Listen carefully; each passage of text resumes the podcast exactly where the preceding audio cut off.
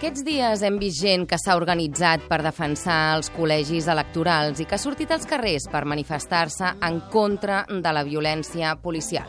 Sabia que volia portar alguna aquí a la manifestació i està fent un clavell gegant, que penso que ha estat el símbol de tot aquest moviment, i posa, som gent de pau, que és el que volem, pau i no agressions i un poble lliure.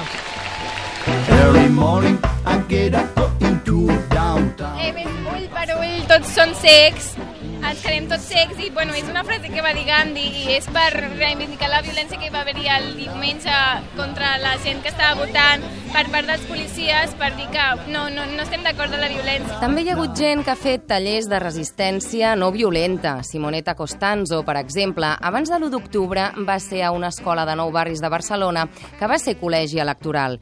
Porta 40 anys a Catalunya i ha estat també durant anys assessora de l'organització Non-Violence Peace Force. Creo que lo que más nos ha impactado a los que estábamos en estas formaciones ha sido la preparación ya a la idea de, de la no violencia.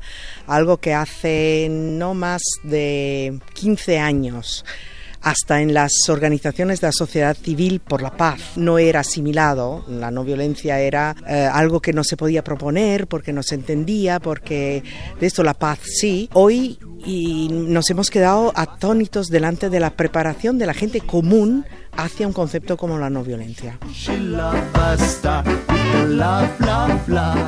Yo creo firmemente que el pueblo catalán es un pueblo no solo acogido, sino un pueblo mm, de gran corazón y con una gran capacidad de entender a la gente y respetar que cada uno sea como es. Creo que a través de una preparación no violenta y la gran capacidad que tenemos de juntarnos cuando hace falta, entender el hecho de que la no violencia no se exprese solo en la calle o en una manifestación o en una defensa de un derecho, sino que se manifieste hacia nuestro vecino, el profesor hacia el alumno que a lo mejor es hijo de un guardia civil eh, que es un hombre como nosotros y lleva muchísimos años intentando que Cataluña sea un sitio seguro y, y acogedor, que, que la gente no se vuelva Greta, no se vuelva eh, mezquina, que aquí hay una bola que ha empezado a rodar y que los únicos que cambiaremos la actitud y la percepción de todo esto vamos a ser los de la calle. Costanzo comenta la necessitat de traspassar la no violència a la nostra vida quotidiana i recorda que l'acció no violenta passa pel diàleg, la denúncia, la no cooperació, la desobediència civil i la construcció d'alternatives. I a Catalunya tenim molts models a seguir que han inspirat aquesta resposta no violenta massiva als carrers. Martí Olivella va ser part del primer grup d'objectors de consciència i també era fent tallers preventius de no violència a algunes escoles de l'Eixample de Barcelona. funcionem tots com a models. Si només tenim models de, de goril·les, pues ens comportem eh, com ells. Si tenim models d'això, en determinats moments, pues la gent, per mantenir la dignitat, és capaç de fer-ho.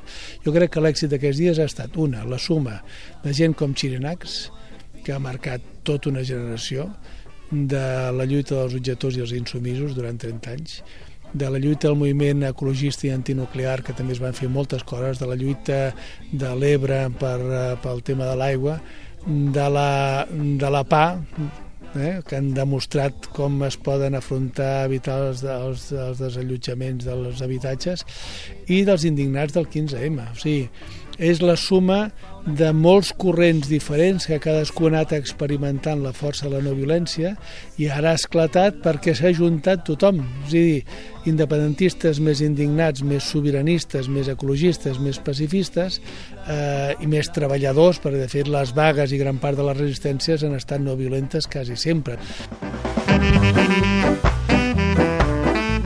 Jo crec que això és el que ha quallat amb aquesta cultura no només pacífica, no, no, estrictament no violenta, proactiva, de desobediència, de resistència, que dona cos i visibilitat a una estratègia no violenta d'alliberament d'un poble des de fa set anys, que s'ha portat exemplarment en totes les manifestacions festives sense mai cap incident. Llavors, aquells que perquè hi ha hagut ara dos nens que s'han barallat o perquè hi ha hagut algú que ha insultat o no sé qui, pretendre això, posar-ho al mateix nivell de la mobilització de tots aquests anys, em sembla d'una baixesa moral i d'una hipocresia absoluta. I aquests eren alguns dels consells que Martí Olivella donava en aquests tallers. El primer de tot és saber eh, a què ens enfrontem. Eh, ens enfrontem a defensar la nostra dignitat interiorment, personal i col·lectiva del dret que estiguem reclamant. I de cara a l'adversari no confondre que el policia, sigui quin sigui, és el nostre enemic el nostre adversari. El nostre adversari és els, els poders polítics i econòmics que els manen i que els utilitzen.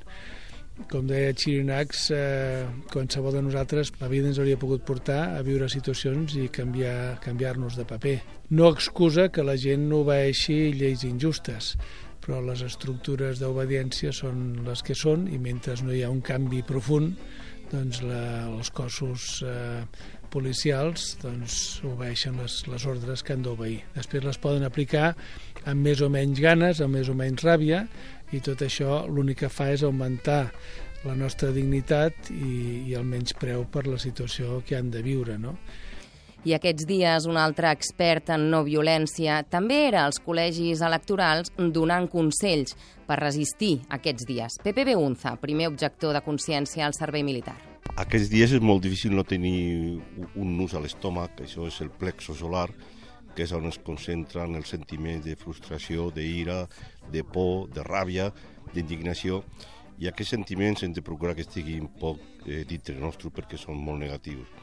Llavors, com això és un nus que, que fa tensar el muscle de l'estómac, el que hem de procurar és destensar-lo, relaxar-lo. Això hi ha exercicis de tensió i d'extensió, de relaxació, però hi ha una forma molt més senzilla i molt més divertida que és la risa. Així que aquests dies pues, procureu veure pel·lícules de risa, contar xistes amb els amics, riure de les situacions divertides que també va haver-hi el diumenge i procureu que l'humor sigui una constant d'aquests dies perquè fa falta molt per tornar a tenir un, un, un equilibri i una sensació de tranquil·litat.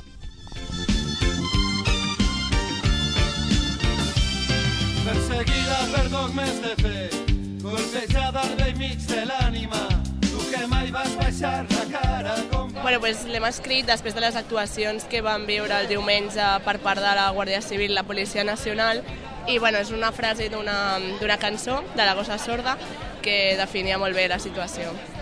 Ens la pots llegir? Sí, colpejada al vell mig de l'ànima. Trobo que ens estan com diu la, com diu la frase aquesta, colpejant en la nostra dignitat, els nostres drets, trobo que estan actuant de manera desproporcionada. Del temps, reneix del temps, si te la conten no t'oblides de contar-la i que la lluita de les dones, dones d'aigua ens guie. Quan ens eclipsi un altre cop... A més, en les últimes setmanes, arrel de la convocatòria del referèndum i de la previsió d'una possible escalada de violència i repressió, 200 entitats que treballen temes de drets humans a Catalunya, a l'estat espanyol i a Europa han organitzat una xarxa d'observadores anomenada Som Defensores, que van monitoritzar les incidències durant les mobilitzacions. S'han format al voltant de 120 persones. En Lucas Gervasoni, codirector de Novact, Institut Internacional per l'Acció No Violenta.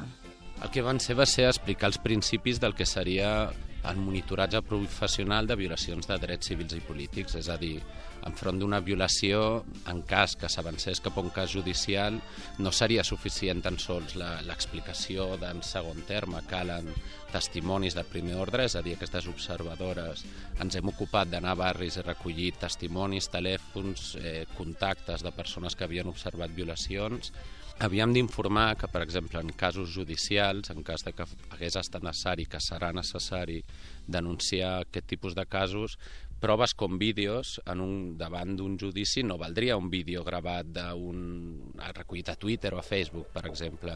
Cal que sigui el telèfon o la càmera professional i personal d'una persona, l'original, diguem, que ho hagi recollit. És a dir, era molt important estar present en les situacions per recollir totes aquestes proves a banda de ser observadors directes.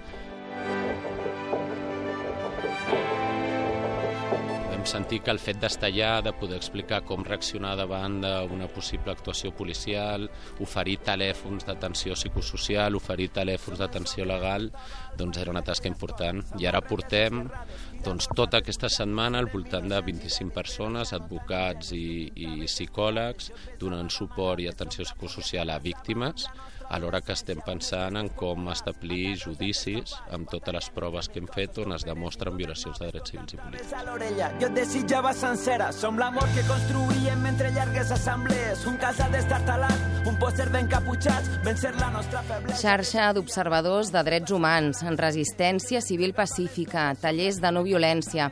Estarem atentes a les properes formacions per poder continuar dialogant amb calma amb els nostres veïns i veïnes que tenen opinions potser diferents a les nostres i per poder sortir preparats al carrer i anar integrant la no violència més enllà de les pancartes. arrels, el vent, la pluja, la memòria que perdura. Som la gent que no es rendeix, fràgils, humils, supervivents. Tota una vida a la deriva amb l'esperança entre les dents.